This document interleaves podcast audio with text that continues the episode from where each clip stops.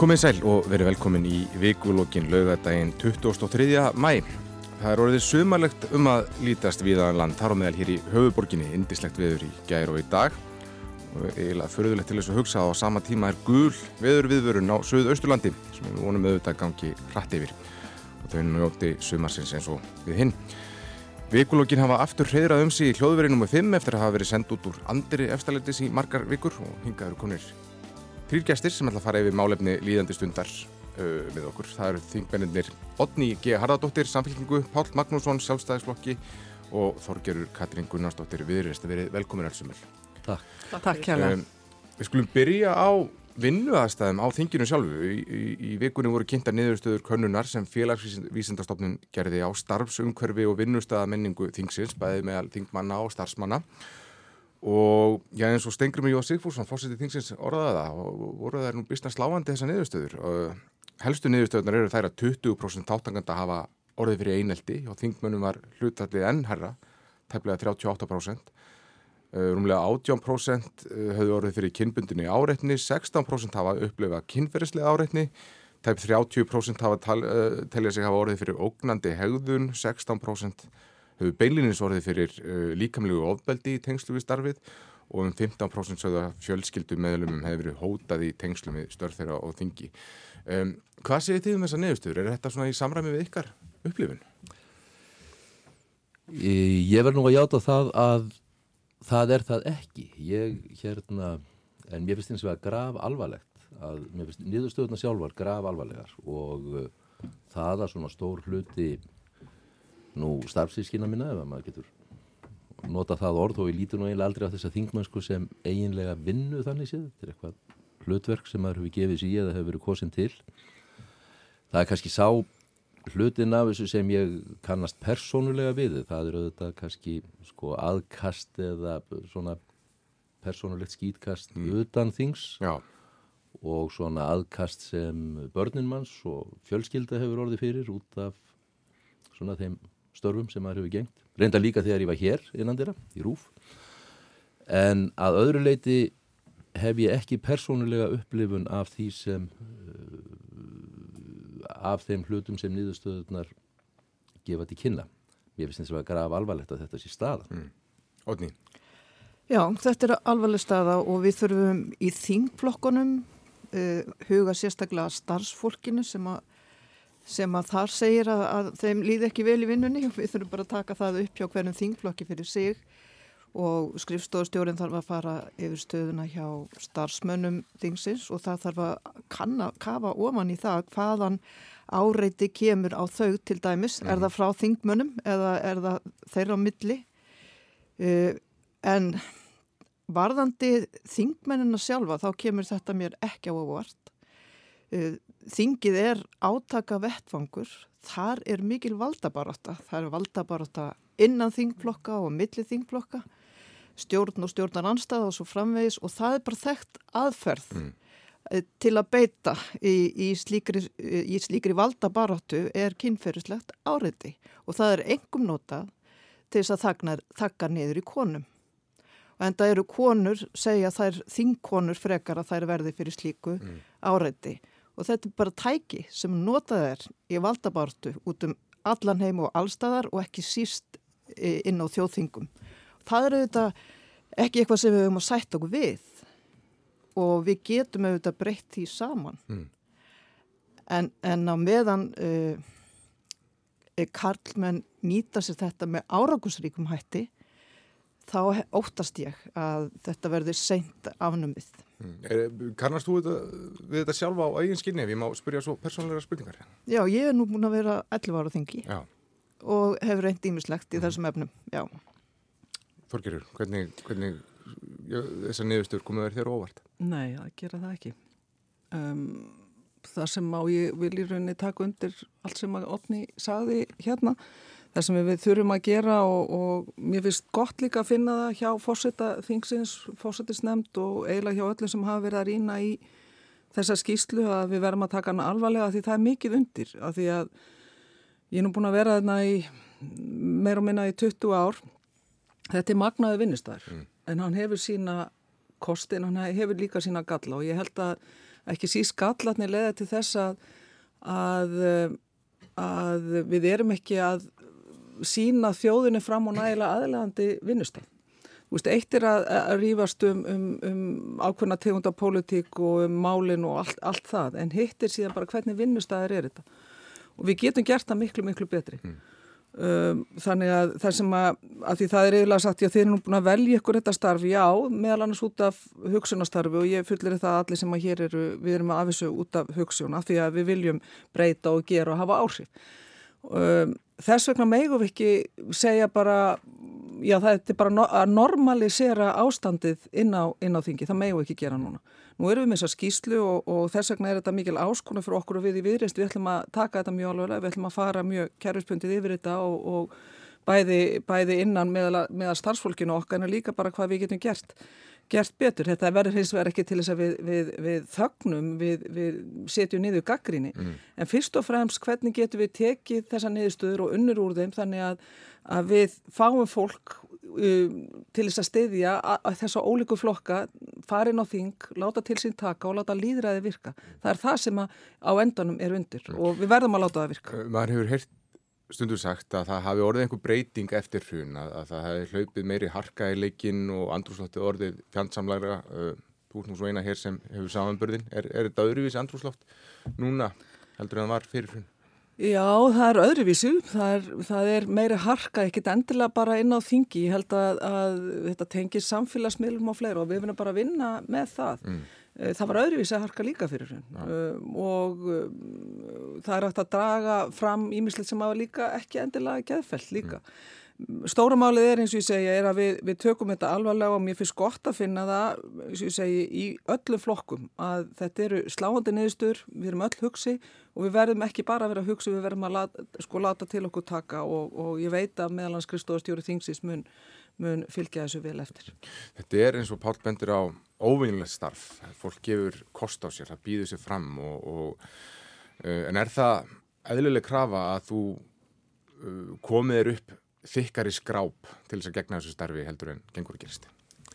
Já, ég held að það sé alveg eðluleg krafa og, og ég held að allir þeir sem gefa í þetta vita að hverju þeir ganga að þýleiti og ég held að e, fólk verður, sko það er auðveldar að þóla það gagvast sjálfum sér mm. og ég hef nú verið einhvern veginn í þannig störfum líka áður en ég fór á þingið að, að, að, að svona að vera talsveit mikið á milli svona tannana á fólki fyrir það sem að gerir og lætur ógert. Já.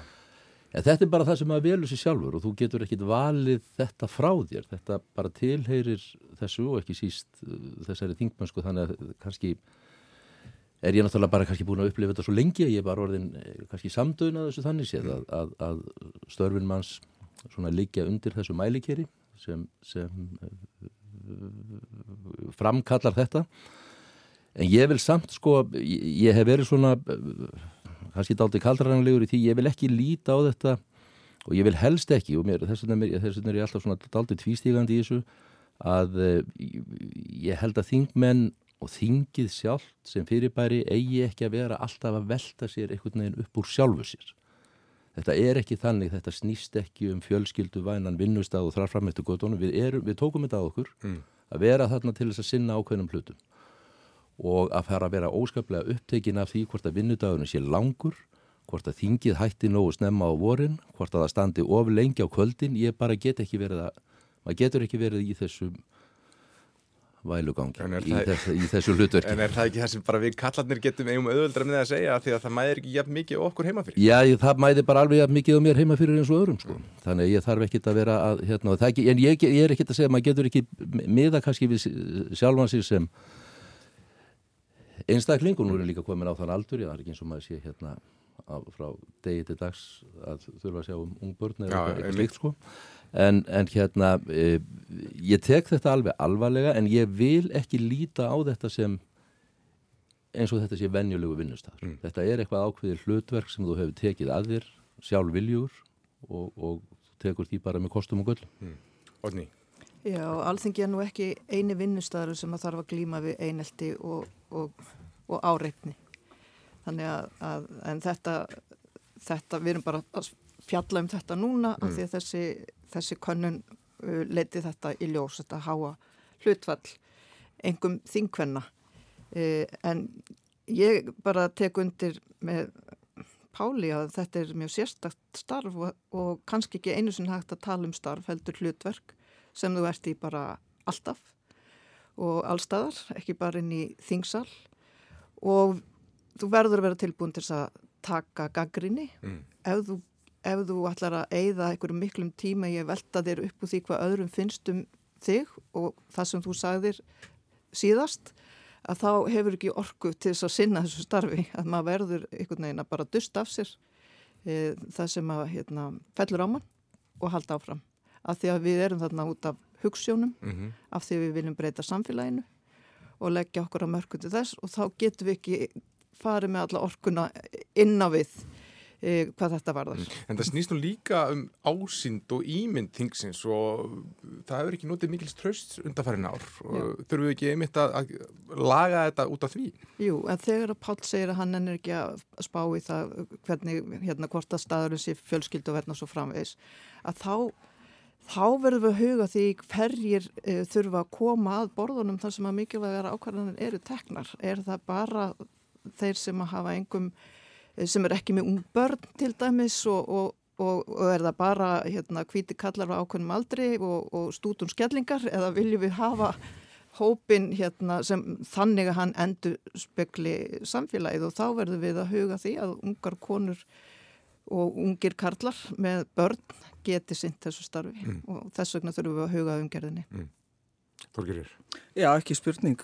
Sko, talandi um að hafa verið lengi, þetta er ótrúlega mikið aðdráttarafl sem er falið í þessu starfi og tækifærið sem þú hefur í starfinu þú ert að, þannig að það er ekki átta til uh, fjöguvina eða 9-5, það er bara, þú vaknar upp á daginn og veist stundum ekkert alveg nákvæmlega hvernig dagurinn uh, mun þróast og muni líða. Þú ert alltaf í starfinu og það er það sem er svo skemmtilegt, uh, þú ert að hitta fólk út um allt land, alls konar fólk með alls konar bakgrunn, sammála og ósamálaðir uh, með alls konar viðfórsefni og það er það sem er heillandi. Það er, það, það, er, það er mikil mennska en líka ekki kannski nægilega mikil mannúð tengt starfinu. En, en það er þetta er bara, þetta er alveg ótrúlega skemmtilegt og gefandi en það sem hefur hins vegar gerst er að við einmitt nákvæmlega þurfum að gera það sem að Otni er að segja. Við þurfum að gera þetta starf þannig að það sé aðlagandi ekki síst fyrir fólk með fjölskyldu að það geti gert ákveðin plön að þetta sé ekki miða við Mér finnst rosalegt stuð að vera alveg bara á nætufundum mm -hmm. og vera alveg að vinna fram, veist, fram á, maður fyrir að hanflita rjúbutnar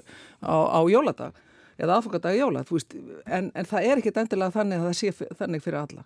Og við þurfum einfallega að, að aðeins að líta inn á við og hugsa hvað getur við gert til að gera þetta betur, það er ekkit verið að væli yfir því, mm -hmm. veist, þetta er mikil vinna þetta er tarnavina og það er það sem er eins og ég segi heillandi, en á móti kemur að við megum heldur ekki, og ég sagði það að við megum ekki láta normalisera það að því það er ákveð ákveð og við þurfum að fara mjög vel í gegnum það. Mm. Það gengur ekki að bæði starfsfólk þingsins og þingmenn upplifi kynferðisofbeldi, e, áreiti eða þvíumlíkt og það er svo ábyrg sem mér finnst að við þurfum að standa undir. Hva, hvað vonið að komið út úr þessu? Hvað... Ég held að þetta get ekki verið annað til góðs og þetta veki fólk til umhugsunar um, og hvern og einn í þinginu til umhugsunar um það hvað má kannski betur fara þarna. Mm og það er líka þetta er ákveðu umhugsunarefni líka hvað eh, sko þú deilir ekki um upplifanir fólks. Og, og, og, eh, og þó að maður þykist sjálfur eða jafnvel þó maður fari eins og ég gerði nú þegar ég sá þessa skýslu þá fór ég nú bara mjög nákvæmlega í gegnum það í huganum hverslags samskipti eh, samskiptaleysi eða ágallar væru á þessu fyrirkommalagi öllu Og við höfum auðvitað dæmi um, um framgöngu eða framkomu, orðaval, orðræðu sem er algjörlega óásættanleg. Mm -hmm. Við þurfum ekki að fara langt aftur í tíman til að, að rifja upp klustusumræðuna og þar fram með til gotunum. Og uh, þannig að ég held það að útaf fyrir sig, þá vekið þessi skísla bara fólk til umhugsunar um þetta og við þurfum að fara ofan í saumana á því sem, já, til dæmis snýra starfsfólki þingsins og, og, og, og því hvernig þetta hefur gengið allt saman og bara læra af þessu ég, eh, við hljótum ekki að dreyja eitthvað lærdum af þessu til, til úrbóta í, í framtíðin mm. Sammála þjóðni? Já, ég er algjörlega sammála því og, og við við vorum nú svona yllilega mynd á ímislegt í þessa veru þegar að klaustus upptakan var, var gerð ofinberð og auðvitað var það ykt dæmi mm -hmm. og ég held að, að það sé einstakt dæmi líka, vona það í það minnsta og þannig að við þurftum að, að horfast í augu við það og, og glíma við, við þann áfellistóm sem að e, ég held að hafi svona svolítið slest á okkur öll. E, þó, að, þó að þetta hefði ekki alltaf okkur að kenna öllum. Þannig að og sama verður, verður við að gera með þessa skýslu við verðum bara að reyna að gera alþingja betri vinnist að sína félögum okkar í öllum stjórnmáluflokkum og starfsfólki þingsins og þingflokka virðingu og, og draga meiri mannúð inn í, inn í starfið en, en samt sem áður verður við að halda áfram að takast á um hugmyndir og, og hugssjónir og, og svo að lokum er það meilhutin sem að ræður. Mm. en við getum gert það með því að við þurfum ekki að gera það með því að, að hérna, vera dónalegu hvort annað. Við getum gert það með því að sína hvort við virðingu um, Ég ætla að fara aðeins yfir aðra, aðra salman, Samherji. Það var í lók síðustu viku ásett frá því að aðalegendur Samherja hafi ákveðið að framselja hlutabrifaðið sína að mestu leiti til batna sína og þetta er svo einn stærsta persónulega eignartilfæsla sugunar, ef ekki bara svo stærsta, þar sé á Íslandi. Til að verma þetta sé að minnstakosti 60-70 miljardar þetta er gert að hluta til í gegnum fyrirframkvæmdan arf og einhverju leiti í gegnum um, einhver, einhvers konar sölu, við veitum ekki hvernig hvað það var, salamar áallu upp á, á mikið verðmætti um, Þetta hefur auðvitað vakið mikla aðtegli um, Samherji stærsta sjávarótisfyrirtæki í landsins, það sætir rannsóknarna grunn sem mútugreislur í Namibíu og svo er þetta bara verið að aðfenda mjög mikil auðavi á milli kynnslóða auðavi sem meðal annars byggjast á nýtingu á sameilegri auðlind þjóðarinnar. Er þetta eðlilegt? Pall? Sko þetta tiltekna dæmi stingur auðvitað mikið í augun, sérstaklega vegna þess að við erum að tala um eitt af hundrað stærstu sjávarótisfyrirtækjum í heimi og eitt stærsta fyrirtæki á Íslandi og tölurna verða gríðarlega háar. En við skulum samt ekki í þessu samhengi gleyma því að þetta eru auðvitað gerast á hverjum degi. Það er að segja eign í sjávarútusfyrirtækjum sem eru með hlutdeild í, í aflanum, afla hlutdeild. Eru auðvitað færast að bæða á milli kynnslóða, í arfi, e, milli fyrirtækja, milli félaga. E, þannig að, að e, sko, er það eðlilegt að svona stór eign færist á milli kynsluða með þessum hætti Já, það kemur auðvitað til að því að við þurfum þá að, að, að, að sko huga því hvernig þessum hlutum er fyrir komið. Ég, þessar tölur verða óskaplega háar en í smærra mæli er þetta auðvitað gerast á hverjum einasta degi. Uh, ég ítreka það bara að þetta stingur í augun en ég, menn mega samt sem áður ekki blanda þessu saman við það að segja að þetta sé áfellistómur yfir fiskveiðistjórnunarkerfinu. Að, að, að, að þetta síni eða sé eitthvað sönnum þess að fiskviði stjórnunarkerfið okkar sé í eitthvað meiri hátt á rólægi vegna þess að í öllum grundvallaratriðum er það gott mm. og gerir það sem það á að gera tryggir eftir því sem verða má sjálfbæra og arðsama nýtingu á auðlindinni sjálfri og mjög arðsaman og góðan sjávarútveik. Hitt er svo mannana verk hvernig við eh, förum að í sambandi við lögjöfuna í þessu og, og við getum kannski komið inn á það hér á eftir hvað er til úrbóta, það má ímislegt laga í fiskviðistjórnarni kerfinu og sjálfur hyggst ég beita mig fyrir því og uh, en kerfið sjálft í grundvallaratriðum er gott. Mm. En það gerist mjög skindilega og það er nú ekki eins og Þorstein Már sé hrumur maður nei, nei, nei, hann er bara starfandi fórstjóri og þá, þá skindilega er verið að aðfenda börnunum uh, þessa eign, hann er áfram starfandi uh, er ekki að fara að setja þetta í helgan stein og á sama tíma og fyrirtækið er, er lítur að það vera rannsakaða fyrir mútugreislur vekur það ekki, vekur þetta ekki einfallega bara grunnsemdir? Ég veit ekki alveg hvernig þetta tvent ætti að tengjast. Það er að segja mútugreislunar eða rannsóknin á mútugreislunum sem er núna til meðhundlar hjá, hér að saksóknara. Finnst þér eindar bísna langt um liðið. Þetta er orðið hvað, er þetta ekki hálft árið að meira? Það er nógum berminni mig sem Já, þetta kemur. Sem hérna, saksóknari hefur haft þetta meðferðar á þess að heyrist svo sem hóstinni stöna um, um, um hvernig uh, rannsóknin gengur. E, tímasetningin á þessu að þetta skulle vera gert núna með þessum hætti sem það er gert, e, sko það kann að vera út af öllum aðstæðum e, og kringumstæðum í þessu að þetta veki eitthvað tortrygni en það hefur minnst okkur stengin gert mér grein fyrir því með hvaða hættið þetta tengist eða hvort að tímasetningin á þessum tilfæslum tengist með einhverjum hætti rannsóknin á samherja. Ég, ég sé sjálfur ekki hendi mér af hverju eða hvernig annað ætti að hafa áhrif á hitt. Mm. Otni, uh, Já. Uh, hvernig blasir þetta við þér? Sko, þessi auður, hann byggir á aðgengi af sameilegri auðlind þjóðarinnar. Auðurinn rennur í vasa útgerðamennana og þaðan til barnana þeirra. Og fiskveiðstjórnarkerfið okkar er að mínu mati meingallað. Það hygglir páum og það vinnur gegn nýluðin og síðan er eftirlitið í mólum og við gerum litla kröfu til þeirra sem fjernýta uh, þessa miklu auðlind þjóðarinnar. Við þurfum auðlinda ákvæði í stjórnarskrá og mér finnst þetta mál og mörg önnur mál uh, undarfarið að hafa svona dreyið mjög skýrt fram að það er eitthvað að og þetta er kerfi sem er mannana verk og við getum breytti og við í samfélkinginu höfum talað fyrir því í 20 ár að gera það gegnsæra, uh, það sé meira jafnbræði í, í hlutunum. Og mér, það fyrsta sem ég hugsaði þegar ég lasi þessa frétt var, var hérna hugtak í hagfræði sem heitir bölfun auðlindana vegna þess að það er ákveðin spillingahætta sem fylgir auðlindum.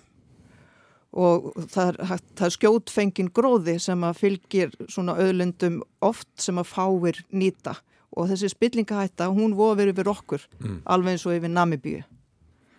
Og við, við hérna, verðum finnst mér að, að taka þessa taka þessa auðlind og fara betur með hana. Og auðvitað viljum við auðvitað ákveði í stjórnaskrá það er kannski teku lengri tíma en, en hérna við höfum til þess að laga kerfið, við, við höfum margar aðra leiði til þess að, að laga þetta dýrmæta kerfi okkar og sjá til þess að arðurinn renni til þjóðarinnar, fari í uppbygging á heilbriðiskerfi og vegum og velferðarkerfin okkar en renn ekki í svona, í svona stórun stíl í, í vasa farra og samþjöppunin er mjög mikil og, og hvað dregur þetta fram líka þessi frétt? Við hugsaum um ójöfnuð, við stillum samherjabönnunum upp við hliðin á þessum tæplega 9000 bönnur sem að lifa undir fátakrafmörkum á Íslandi. Við förum að hugsa um erðafjárskattin, hvernig er hann uppbyggður, ætti hann að vera öðruvísi, ætti hann að vera þreparskiptur. Ég hugsaði til Piketty, uh, uh, meðsöluhöfundar sem að ymmit ræðir um þetta í, í sinni nýju bók það sem hann talar um egna ójöfnið sem að ógnar bara eh, samfélagunum mm -hmm. út um allt og, og talar í sinni bók ymmit um erðafjárskatt að það verða að breyta honum þannig að auðurinn far ekki svona á milli kynnslóða vegna þess að það ítur undir ójöfnuð og það býr til verri samfélag. Mm. Þetta þurfum við alltaf að taka upp í framhaldinu finnst mér mm. og þetta dæmi hana, hvetur okkur til þess. Mm. Þorgjur, hvernig Hvernig leist þér á þegar þú sást þetta frétt? Um, mér stóð, eh, svona, fyrst og fremst draga fram það, viðreysnir reyndar fjórar á morgun og á sem skamma tíma eh, sem við hefum lifað og starfað, þar við búin að gera mjög margt. Eh, eitt af því er að við upplifum það enn og aftur að er, við fáum aldrei að klára að gera umbætur á sjárótskerfunu. Það er alltaf séð til þess af ákveðnum flokkum og ákveðnum hagsmunahópum að það starf sér alltaf trublað. Og það er einta bestu getu að setja niður hópa sem að fara þvert yfir fiskviðstjóðunarkerfi því við erum í grunninn með og ég þreytist ekki á að segja að grunnurinn ákvað fiskviðstjóðunarkerfi er góður. Mm -hmm. Við stóðum frammi fyrir uh, gríðarlegri áskoru 1983 þegar fiskistofnunum voru um það byl, uh, voru búin að, það var mikil ofveði og við sáum fram þess, þess vegna hrjún. Það var sett á kvótakerfi, síðan var sett á frjálsaframsali 1990. Flokkar þvert yfir, yfir flokks eða stjórnmálaflokksrófið hafa komið þetta í að byggja upp þetta kerfi sem við höfum verið með. En það er alltaf látið sitja hakanum að hafa það nægilega gegnsætt. Uh, talandu það hvernig tengdir aðelar samþjöppun valds innan, innan greinarinn og samþjöppun er ekkit af henni vonda en hún þarf að vera gegnsæ.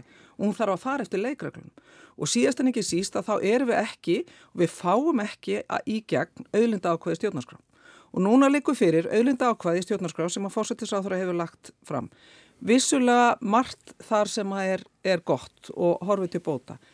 En eins og það likur fyrir núna þá verður ekki sátt um það uh, auðlinda ákvaði eins og það likur fyrir og mér sínist að, að sáttin fylgist í því að vinstri græn sjálfstæðisflokkurinn og framsóknarflokkurinn og eftir atvikum miðflokkurinn nái sátt um þetta auðlinda ákvæði. Um það mun ekki nátt sátt. Þannig að það verið sagt að minni halvu. Því að, að e, það næri ekki til þess líkil atriðis að tryggja sameg þjóðarinnar og undistrykka þá um leið fyrstu grein fiskviðstjóðnuna lagana um að fiskurinn í hafinu sé sameg íslensku þjóðarinnar. Það næst ekki nema með því að það verði gerði tímabundnir samningar þannig að, að uh, fiskveiði heimildirna verði ekki varalega í eigu og, og í umsjón uh, útgerðamanna. Mm. Við þurfum að hafa það og við þurfum að tryggja það að það veri gegnsægi verðlagningu og það er ekki nægilega mikil gegnsægi í verðlagningu Eh, þetta fer allt eftir því og við upplifum það núna bara fyrir á kjörtímanbílinu, það voru sett fram lög sem að leitu til þess, það eru fáið sem að skilja nákvæmlega útreikningana að því það er ekki nægilega gegnsætt mm -hmm. og það er leitu til þess að, að veiðigjöldi lækkuðu um, um, um miljardar. Eh, eina leiðina mínum að þetta er svo leið, leið sem við í viðreysnuðu meðal annars bóða og það er að fara markaslið. Að hluti veiðiheimildana verða á hverju ári, settur á uppbóð og þannig verði hið eðlilega eh, verð fengið. Þannig að, að hagsmuna aðilar hafi ekki hagsmuna á því hvaða flokkar eru í ríkistjótt hverju sinni. Það þarf að fara að setja núna almennar skýlar, skýrar leikreglur um þetta fiskvíðustjóttunarkerfi. Ég vil hins vegar vara við því að, að það sé við eiga kollvarpaði menn halda alltaf að þið viljið kottsteipa öllu því sem er í kerfinu. Nei við viljum það ekki, við viljum byggja áfram á kvótakerfi, við viljum byggja áfram á því að við verðum með sjálfbart fiskveðistjóðanakerfi sem að byggja meðal annars á vísendalegri ráðgjöf, við viljum ekki fórna því, en við viljum verðum líka að taka á þessu sem að er núna svo augljóst upp í íslensku samfélagi að það er ekki réttilega gefið innan, innan kerfisins og við höfum ekki haft stjórnmála stjættinni gegnum tíðina, næla mikill kraft og mikla, mikil vilja og samstöðu til að taka nákvæmlega á því og það er einhvern veginn alltaf tryggt að, að, að uh, og sé til þess að við fáum ekki að klára verki. Það er hægt að gera það ef að menn vilja. En bara viljan er ekki til staður og sérstaklega ekki innan ríkistjóðnarann. En, en hvað segir um eins og varðandi bara skattlækinguna eins og hún kemur inn á hún, hún Otni að Andris Ingi Jónsson þingbar, hann bent á í vikunni að einstaklingar á Íslandi, þeir erðu samanlagt 47 miljardar árið 2018. Það er talsveit lærri upp að heldur en hérum ræðir og um, Já, þeir ekki með bara að fara að nýta tekjuskattin sem, sem jöfnunartæki, menn til þess að koma í veg fyrir að, að auður, eignir, sapnist á ofáar hendur. Já, ég skal nú ekki segja um það. Ég, það kann vel að vera að það þurfi að, að, að uh, endur skoða eitthvað þessar erðafjárskattsreglur sem við höfum. Þetta er nú svo almenna regla sem við höfum. Það er erðafjárskatturinn, hann er talsveit lægri heldur en tekjuskatturinn og uh, þannig að það er þá að taka þetta upp í einhverju, einhverju almennara samhengi. Við getum ekki farið að breyta skattkerfinu eða eh, öðrum bara samfélagslegum kerfum hérna af því að okkur ofbýður hvernig hlutinir geta ekslast hjá einhverju einu tilteknu fyrirtæki og erfingjum eiganda þess. Þannig að er, eh, þetta, er, þetta er eitthvað sem þarf þá að skoða í stærra samhengi.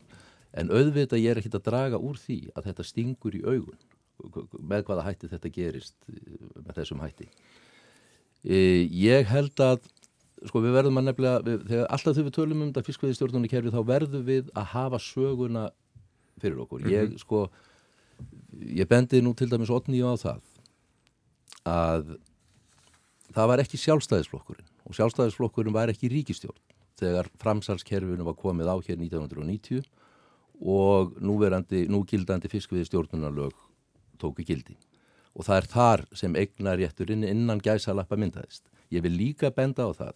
Það voru hins vegar forvera samfélkingarinnar, alþjóðuflokkurinn og alþjóðubandalæð sem settu lögin og treyðu þetta eignarhald. Sko, ég vil líka benda á það að það er eh, að í heitli ríkistjórn sem var kvöldu hér fyrsta hreina vinstirstjórnin í landinu, þar sem Otni var fjármálar á þeirra. Sú ríkistjórn gerði ekkert Hún var með það í stjórnansáttmála að breyta fiskviðistjórnunarkerfinu en gerði ekkert allan þann tíma sem hún satt. Þannig að það er daldið umhendis að vera benda á sjálfstæðisflokkin og segja að hann haldi verndarhendi yfir því hvernig þetta er. Það er hins vegar og við þorgjörður hefum lungu verið sammálum það að í öllum grundvallar atriðum mm. þá hefur þetta fiskveiðistjórnarkerfi þjóna hlutverki sín. Ég sé öfugt við þær stöllur mínar hérna að, að, að telja að lausnin fælist í auðurlinda ákvæði stjórnarskrárunar. Það, sko það er gott og blessað og ég vil að þetta auðlindar ákvæði varðandi sjávarútuðin eða varðandi auðlindirnar almennt verið tekið upp. Þetta er hins vegar engin lagalig hindrun á því að, að taka til hendin og laga það sem kann að hafa farið aflaga í sambandi við fiskveiðistjórnunarkerfi. Því eins og Þorgerur bent á líka, þá er jú grunnurinn að því sjálf. Í fyrstu grein fiskveiðistjórnunarlagana, þá er það tekið alveg hreinlega og algjörlega af skarið um það að sjávarauðlindin, fiskurinn í sjónum, er sameg þjóðarinn. Mm -hmm. Og þó að þetta ákvæði færi óbreytt inn í stjórnaskrá, það breytir engu um þá stöðu sem við erum að tala um núna út af arfinum eða erðafjárskattinum eða eitthvað slíku. Þannig að ég held að við höfum alveg lagalega fórsendur og það er ekkit skilir til að breyta stjórnarskráni, er ekki skilir þess að við gerum þær breytingar sem við teljum að þurfa að gera á fiskviðstjórnarkerfin. Mm, Erðu já, ég vil nú bara byrja á að þakka Páli fyrir að benda mér á þessa staðrendir. Uh, það var fallega gert, uh, því hann hefur örgla haldið ég væri búin að gleyma þessu. E, hins vegar er það svo að við í samfélkingunni við höfum eins og ég sagði á þann í 20 ár bent á aðra leiðir og betri til þess að fara með okkar kerfi og við viljum líkt og, og viðræst gera þetta í hægum skrefum og bjóða út uh, kvotan og það má gerast á laungum tíma að breyta þessu uh, kerfi en við verðum ykkur staðar að byrja. Og útbóð á, á kvotanum er svo leið sem að ég held að, að muni gagnast okkur allra best. En af því að hér var minnst á vinstristjórnina þá var það svo að við komum ekki útbóðsleiðin í gegnum þá, þá ríkistjórn, það er rétt. Við vorum ekki þar einn hins vegar voru við sammálum það að samfélkingin og vinstri græn að koma á alveru veiðigjaldi og það tókst okkur að gera. En það döði ekki nefnum í eitt ár. Því um leið og sjálfstæðslokkurinn og framsók komist aftur í ríkistjórn þá var þeirra fyrsta verk og forgangsverk að lækka veiðugjöldin svo ummunaði. En veiðugjöldin þó kom okkur á árunnu 2012 og 2013 á þann stað að, að við gátum loka uh, fjárlagagatinu meðal annars. Þannig að, að veiðugjöldin á meðan að vinstistjórnin var og hétt uh, lagðist með velferðarkerfinu. Þau lögðist með velferðarkerfinu þá. Uh, forgansmál hjá uh, sjálfstæðismönnum og framsókn og er að lækka veiðugjöldin og taka úr sambandi lenging á fariðingarólafinu sem við vorum búin að set, gera áallanur um. Og þetta verður nú, þessu verður nú seint glemt. Mm. Uh, Þorgjörn Mjölgur, að spyrja þig um, um þessa hugmyndu um það að, að eignir færist svona myndi kynslu að þessu í tilfelli samherja þar byrja menn og byggja fyrirtæki, fá mm. útlundan kvóta og, og etna, bara vinna sér inn mikið nöyði, bara gegnum nýtingu á samheilulega auðlind, borgaða sannarlega auðlindagjald sem er þó, eða veiðigjald sem er, menn geta þó deilt um hversu hátta er, en er sjálfsagt að, að það renni síðan allt til næstu kynsluða sko, varandi samerja þá bara við þurfum að draga það skýrt fram þau eru að fara eftir lögun mm -hmm. og ef að það er, það er ekki hægt og ég er sammálað því sem Pál sagði það er búin að erfitt að koma og bregðast við út frá einu tilteknu tilviki. En bara almennt í prinsipinu? Já, en í prinsipinu þá vil ég meðal annars benda á það að, að viðreysni hefur lagt fram meðal annars frumverf um breytingu á erðafjórnskatti sem tækin ákvæmlega til þessa, er þið til hagspóta fyrir, fyrir ríflega 90% af, af þjóðinni Eh, en, en myndi því það ákveðna aukningu í skattbyrði á, á þá sem að sem að hafa, sem, ja, sem er að erfa verulega fjárhæði. Þannig já, við höfum lagt fram frumvarp sem gætið með tengst þessu sem eru almenna reglur, gegnsæða reglur. Og það er það sem að mér finnst skipta svo miklu máli að þegar við ræðum um þetta að við fyrir ekki að bregðast við tilteknum tilvikum, heldur að reynum að hafa almennar skýra reglur og talandu um þetta að því samarjamáli þar voru meðal annars nokkru þingmenn vinstri grætina á einsóginni í þinginu og út af þessu máli, gott og blessa. Hvað gerir síðan sömu þingmenn daginn eftir? Fari það að fari sértakareglur fyrir sjávarútvegin og afnema stimpirgjald á, á, á kaupum á, á fiskveiðskipum. Við í viðrest við lögðum hins vegar fram almennt frimarp um almenna aflagningu á stimpilgjöldum sem hefði nýst fyrst og fremst eh, meðlans fólki, ungu fólki eða bara fólki sem er að fara í fastegnarkaup. Og mér finnst þess að segja, mér finnst þetta hólur hljómur að nýta síðan þetta ástand, veirunar og faraldusins til þess að fara í sértakar aðgerður að afnáma á stimpilgjöld. Ég er hlindi að afnáma stimpilgjöld. Ég er hlindi að hafa skattkerfið einfalt, að hafa freka lægri gjöld heldur en herri gjöld. En það þýðir ekki að fara svona sértakaleiðir sem fyrst og fremst ídöndu sérhyggli á ákveðnum hagsmunum. Mér varst það miður. Um, það fara hans yfir í Já, bara samkominnbanni. Það hefur verið að svona, leta á þessum höftum sem hafa verið og eftir því sem okkur gengur betur í að, að ná tökum á COVID-faraldrinum. Um, þetta er gert að tilugu sóttvarnarlæknis og þótt ráðlíkinga þrýkisins hafi verið tiltölulega óumdildar fram að þessu. Þá hefur núna orðið vart við gaggríni um að við séum mögulega að fara ofgeist í sakirnar til dæmis varandi opnin á landinu og, og, og því um líkt. Og við að salt Uh, ólíkir hagsmunir. Það er annars vegar bara sóttvarnir og svo líka bara efnaðarsmála. Það þarf að koma í hólum atvinnlýsins eftir í gang og þetta ástætt hefur náttúrulega bitnað mjög harkalega á ykkar kjörtami, söðu kjörtami og Reykjanesbæði sérstaklega, 30% atvinnlýsi eða svo. Um, já, hvað finnst ykkur? Er, er, er, við að, er verið að fara nóg valega? Já, það held ég. Ég held í fyrsta lagi að okkur hefði í öllum aðaladröðum tekist mjög vel upp í, í því hvernig við höfum mætt, þessu, mætt þessari krísu og þessum vandraðum öllum. Meðal annars með því að aðskilja algjörlega heilbriðispartin af þessu, sóttvartanpartin af þessu og pólitíkina. Að, að, að keira þetta svona samhliða á tveimur aðskildum brautum. Ég sjálfur hafði fyrst uh, talsverðar evasemdir þegar ég heyrði fréttinnar af þessu fyrst um að við værum hugsanlega að fara og geist í að opna landið. Tók mér til og átti uh, samtölum þetta við, við fólk sem er mér vísara á þessu sviði. Og þeirra niðurstaða eins og reynda sótvarnarleiknir hefur sjálfur raukstutt, þá er þetta áhætta, uh, það, þetta er áhætta sem við tökum og við verðum að taka hvena sem við gerum það. Áhættan er hins vegar ekki meiri núna heldur, eftir, heldur hún nýrði eftir tvo mánuði, fjóra mánuði eða átta mánuði. Þetta er ákveðin áhætta þegar þetta er gert og kannski erum við bara mjög vel í stakk búin til að gera þetta núna þegar við vitum að viðbröðin verða að öllum líkindum ekkit sérstaklega mikil. Fólk er ekki að fara að þyrpast til Íslands. Mm. Það er bara út af þeim reglur sem gilda í þeim löndum þaðan sem fólki kemur, sem skipta meira máli heldur en hvaða reglur við setjum okkur hér. Þannig að ég er minnst að kosti orðin samfarður um það að, að þetta skref sér rétt og það hefði ekki, þetta sé ákveðin áhætta en hún, væri, hún er jafn mikil núna eins og hún hefði verið eftir 2, 4, 6, 8 mánuði mm. þannig að þetta er bara, og, og þá er þetta bara ef að segja útreiknuð áhætta sem við verðum að taka á einhverjum tímapunkti hvað sem er mm.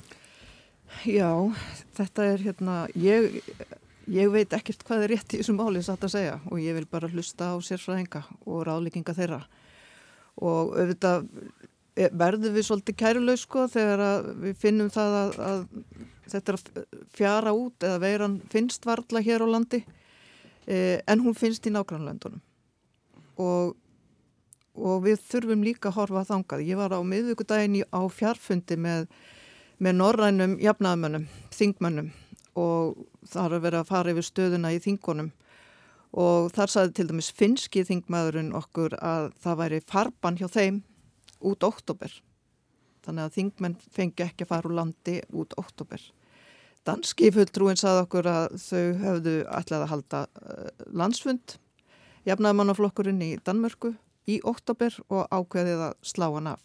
Það sem við vorum að hugsa um hér á Íslandi var að halda Norðurlandarðarsþing einmitt í oktober mm -hmm. og við erum enn að horfa á að við getum hugsanlega gert það. En mér finnst sko, það eru auðvitað miklu hagsmunir undir, það, það eru augljóst efnaðslegir en líka er það heilsufarslegir hagsmennir og einn ferðamadur sem kemur hér og smittar fólk ítir okkur aftur á byrjinarætt og það er það sem við þurfum að passa að gerist ekki og ég veit ekkert hvernig yfirvöld alltaf að fara að því að, að, að græja það. Mm.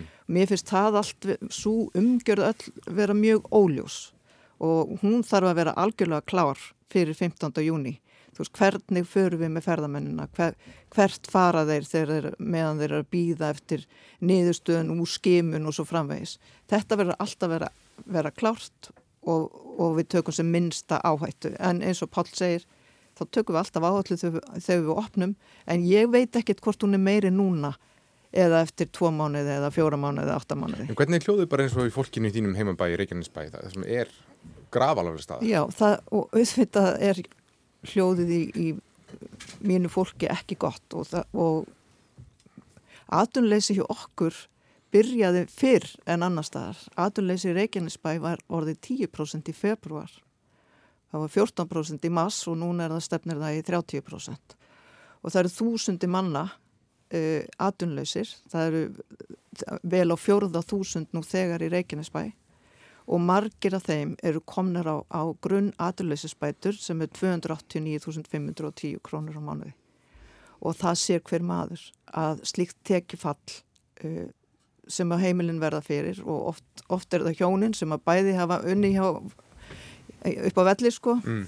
sem að mista vinnuna að, að menn sjá bara hvurslags eh, efnahagslegt áfall það eru fyrir heimilinn, það smitast auðvitað út í sveitafélagin líka og þegar ástandið þannig þá verðum við að gæta sérstaklega að börnum og þeir sem standa veikum, veikir fyrir og þegar við, þegar í hrununu fengum við, voru við líka með mest aðvunleysi í Reykjanesbæ, það varum 15% og við þekkjum þessa vondu aukaverkanir af langtíma atvinnuleysi mm. og þær eru hættulegar mm. og hættana mesturn á heimilunum og, og að, það er ofbeldi og það er vanraksla á börnum og þess vegna þurfum við að setja um sérstaklega verðferðavakt en við verðum líka að, að, að koma til móts við tekjufals heimilana líkt og við erum að gera hér þegar við erum að horfa á fyrirtækin. Mm. Þorgerur? Já, niðurseflan uh, náttúrulega var hafinn lauku fyrir COVID. Já. Uh, það var samdráttur uh, komin víða og ekki síst á Suðunissunum og þess vegna var svolítið skrítið að upplifa þetta sinnuleysi fyrir COVID gagvart í svæði því það var orðið verulegt aðrunleysi þar lunga og undan öðrum, öðrum svæðum og kannski byrja með vá en síðan vindur þetta upp á sig. En, en varðandi opnununa, já ég er að heyra þetta líka alveg svo þið öll sko að, að fólk er svona að spyrja spurninga. Ég segi eins og otni, ég veit ekkert meira um það hvort það sé rétt eða ekki að opna núna 15. júni. Það sem að hins vegar skiptir máli er að við sem erum í stjórnmálum og stjórnaranstöðu að við spyrjum spurninga. Um, sóttvarnateimið fræga það hefur fengið mjög gaggrina spurningar og það hefur alltaf svaraði mm -hmm. mér finnst vanta á svör frá ríkistjóninni og ég tek undir það sem hafa sagt í ráðan fyrir 15. júni þar planið svolítið að liggja fyrir hvað gerist ef að einn eða tveir túrist að koma einna sem eru, eru veikir? Uh, hvernig verða viðbröðin í haustlíklega þegar, þegar önnur uh, bylgjan kemur? Uh, verða þá miklar lokanir? Hvernig ætlum að bregðast í allar þær sviðsmyndi, við náttúrulega í stjórnarastöðinu höfum ekki fengið að sjá eina einustu sviðsmynd en á móti kemur að, að við þurfum að rækta okkar líðræslega mhm. hlutverk og það er að spyrja spurninga í mestu vinsend því að við ekki frekar en, en ríkisjóðinu vitu það nákvæmlega hvað er rétt, það þarf að fara að aflétta höftum, það er alltaf snúið en við þurfum þá að sjá þessa sviðsmyndi. Var til að mynda metið líka hvort að það ætti að vera lokað lengur landið og frekar að dæla í, í stuðningi innanlandsneislunni til þess að styrkja hana enn frekar, til þess að undurbúa helbriðiskerfið líka styrkja það á, þú veist, í lengru lókun. Ég veit þetta ekki, en mér langar að vita svörin og vita hvernig ríkistjónin er undirbúin í þetta og ég held að hún hafi kannski ekkit marga daga til þess að segja þjóðinni nákvæmlega hvernig hún hyggst, hyggst útfæra þessu opnun 15. júni. Mm. Það þarf auðvitað bregðast við tekjufælli, minn fjölskyldur þegar heimili þurfa að bregðast við tekjufælli og mm. verkefliðsefingin hefur lagt áherslu á að, að tekjutenging aðvölunisbóta hún verið lengt uh, og að grunn bæturnar að þær hækki. Er eitthvað slíkt sem, ég hlýtur ekki að koma til einhvers slíks ef þetta verður langvarandi staða? Jú, ég held að, að í, í rauninni, kannski eins og Þorgjörður var að benda á, þá er þetta þannig að við vitum ekki hvað næsta vika ber í skauti sér uh, með neitt af þessu eiginlega. Við erum að bregðast við og við erum að þreyf okkur áfram. Það gildir líka um sóttvarnar yfirvöld og, og, og, og þau. Við erum í aðstæðin sem við höfum aldrei upplifað áður og þá af sjálfu leiðir að þá erum við að bregðast við hlutin sem við ekki tekjum og sjáum ekki dóskaplega langt fram í tíman. Ég held að þetta hefði tekist mjög vel til og það gildir bæði um ákvarðanir sótvarnar yfirvalda, hvernig þið brúðist við uh, heilbriðismegin frá og ég held að ríkistjórnin hafi öllum aðalatriðum uh, brúðist rétt við á efnahagspartinu. Það er alveg rétt að það getur komið að því uh, hér á næstu vikum að við þurfum að endur skoða þessar aðgerðir, við þurfum að bæta í, við þurfum að breyta uh, ef við þurfum að fara að horfa hér á eitthvað langtíma atvinnuleysi. Uh, við eins og Odni bent á að sko þá kom þetta harðast og fyrst niður kannski á þeim stöðum sem auðvitað mest byggðu á ferðarmennskunni sem eru eðli málsins sangkvæmt staðirni sem ferðarmenninni koma fyrst eins og Reykjanesbær og Suðunessi ástandið er enn verra af því að tala um okkar kjördæmi og okkar otnýjar þegar austardregur þegar við verum að horfa á litlu sveitafjölugin sem hafa byggt, byggt næstum alfarið á þessu. Mýrdalurinn og Skaftárrepp þar sem atvinnuleysi er kannski komið upp í 40-50% og þar þarf við þetta bregðast við með, með sértækum aðgerðum En ég held sem sagt að í öllum aðalatriðum að þá höfum við eftir því sem við getum þó lagt mat á það verið að gera þetta rétt. Mm. Er, er, ertu ánað með til dæmis hvernig hefur tekist til með hlutabótaliðina? Það var til dæmis bent á að fyrirtæki sem eru bara vel stæð og þurft ekki á þessu að rauninni hafi sótt um hlutabótaliðina. Já. Um, ég meina þetta eru auðvitað aðgerð sem var gripið hratt til en, en eftir á að higgja hefði átt að gera þetta öðru í sig? Ég er ekkit endilega vissum það varandi hlutabótaliðina sérstaklega vegna þess að hún, sko, við megum ekki gleyma upphafinu hún var ekkit afkomu tengd við fyrirtæki. Hún var til þess að varðveitar hérna ráningasamband og, eh, og ég get alveg haft mína skoðanir á því að sögum fyrirtæki eru kannski það vel stæð og hafa það sterka eiginfjárstöðu að þau höfðu kannski átt að gera eitthvað annað fyrst heldur en að láta ríki hlaupun tilbaka en gleymum því samt ekki að þessi aðgerð var bara með eitt tilgang að fólki yrði ekki sagt upp störfu. Mm -hmm. Það er ekkit afkomutengt vegna þess að af, sko, fyrirtækin sem eru með góðu afkomuna, menn til dæmis voru að gaggrína hérna bláa lónið fyrir að hafa komið inn í þetta. Bláa lónið þó það hafi greitt mikið narð og hafi verið stönduð fyrirtæki hérna á, í gegnum árin, þá er þetta skindilega orðið tekjulust fyrstu viðbröð fyrirtækis að þessu tægi og þetta er kannski ekki besta dæmi, ég geti tekið önnur dæmi sem væru betri í rauninni er það að fækka fólki sem hefur ekkert að gera og segja því upp. Það var það sem hlutabótarleiðin átt að koma í veg fyrir og hún gerði það menn geta svo haft sína skoðunar á því átt að afkomu tengja hlutabótaliðina og segja að það væru bara þau fyrirtæki sem væru með vonda eiginfjárstöðu sem ekki ættu neitt borð fyrir báru til að, gera þetta af eiginafli sem hefði átt að fá hana. Ég er ekki þeirra skoðunar. Það getur ímislegt hérna sem kannski getur stungið eitthvað í augun tímabundið en hlutabótarleiðin hafði bara einn tilgang að varðveita ráðningasamband og það tókst í upphafslótunni. Og þetta ertu samanlega hafi tekist vel til í þessum aðgerðum? Sko sumar uh, þeirra eru ágættar og nöðsilegar held ég. Og hlutabótaleiðin er þekktleið, við fórum hana líka í, í rununu þannig að, að það var hægt að grípa til hennar. Uh, en uh, útfæslan eru þetta öðruvísu vonandi hefur við e, lært eitthvað af, af þessum, þessum vandræðin sem við hefum lendi í.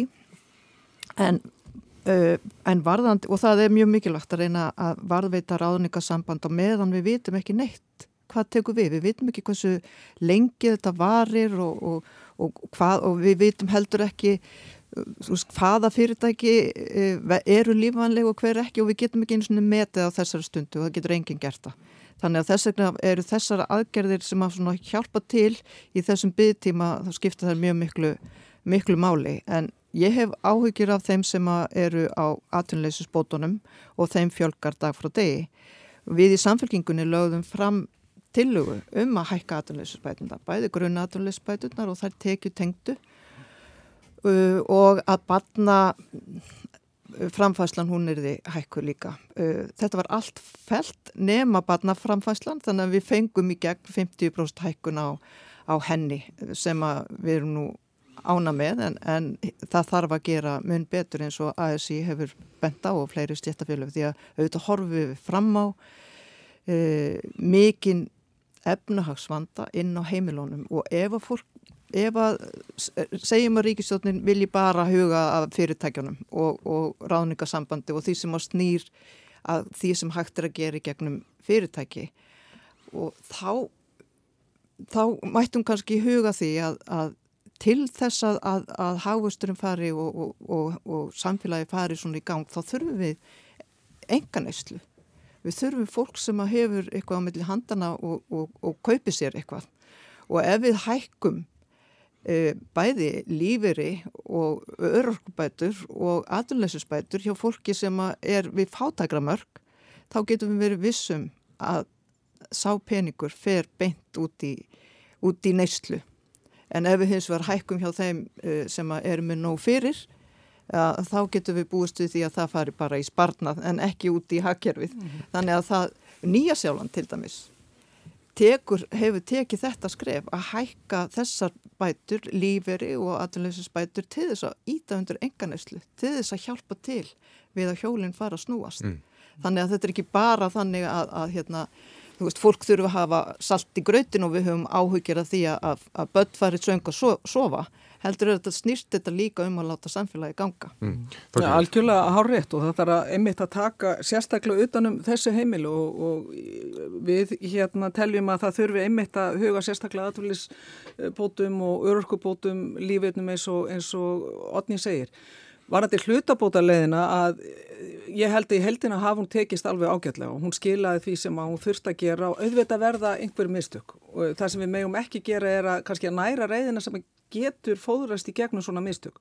Já, mér finnst að söm fyrirtæki hefði átt að taka ákveð, ákveðin hluta á kassan en ég skil líka að fyrirtækin eins og bara við í stjórnmálunum, við erum að feta okkur ákveðna slóði til þess að reyna að bjarga ákveðnu hlutum. Fyrirtækin er að gera það líka. Þannig að ég heldina held ég að, að hlutabótarlegin hefur tekist þokkalega. Ég hefði vilja sjá meira af, af því að hlutabótarlegin er eins og Odni segir sko, hún er þekkt fyrirbæri hún er eitthvað sem við þekkjum.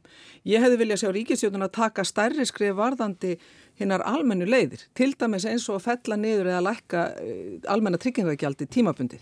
Eh, það er eh, þekkt leið, það er eitthvað sem við vitum nákvæmlega hefði geta nýst fyrirtækjunum strax og beint fyrir auðvitað að, að það verða að bæta vel inn í, inn í nýsköpun og fleiri. Ég hefði líka vilja að sjá miklu, miklu meiri framkvæmdir heldur en, heldur en eru núna.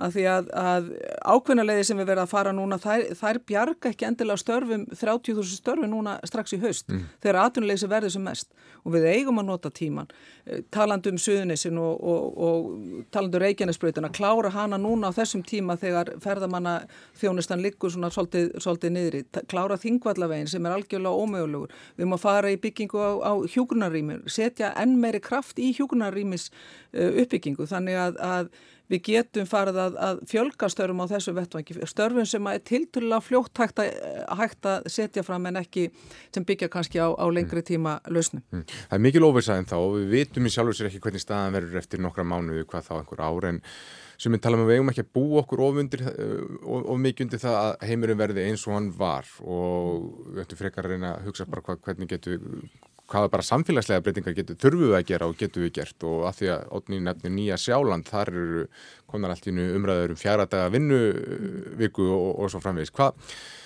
hvað myndu þið vilja sjá að kæmi út úr þessu? Sko ég er alveg samfærið um það að þetta á eftir að breyta, þetta ástand sem er, er, er ríkjandi núna og það sem við höfum gengið í gegnum, á eftir að breyta mjög miklu um pólitíkina og pólitíkina þá á sko stórum skala, alls konar grundvallar hugmyndir, allt frá því að ræða um hlutverk og stærði ríkisins í, í, í nútíma samfélagi.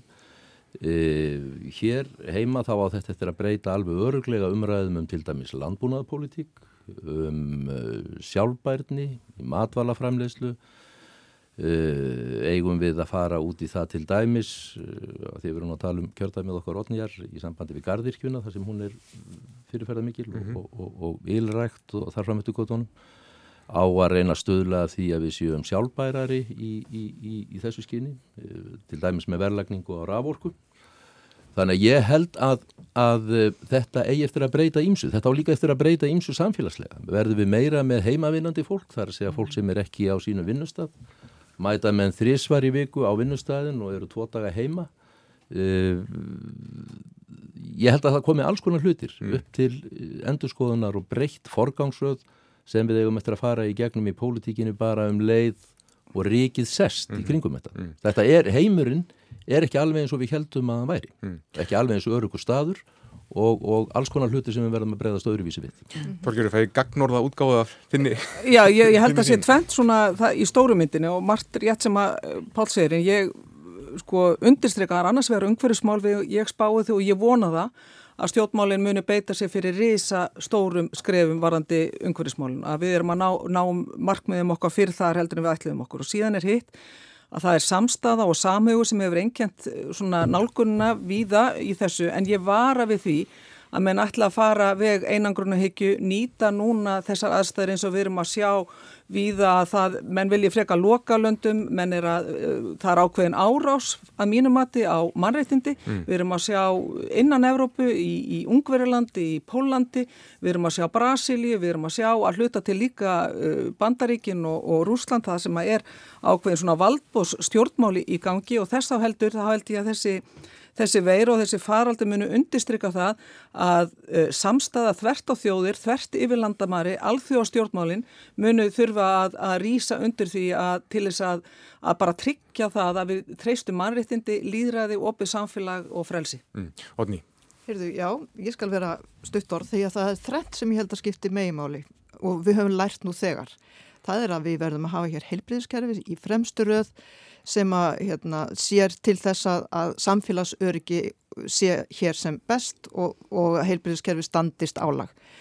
Uh, við þurfum að renna mm. fleiri stóðum undir átunulífi. Það er augljóst. Við getum ekki byggt aftur upp uh, svona ferðarþjónustina í sömu mynd og hún var og við þurfum að, að leggja áherslu á nýsköpun og þróun og fleiri stóður undir átunulífið og við verðum að gæta líðræðinu og við sjáum það bara út um allt í kringum okkur það sem auðvika upp einhvern veginn ná að, mm. að svona fóta sig í þessari, þessum aðstæðum og við þurfum að gæta líðræðinu og mannuðinni hér heima fyrir. Mm.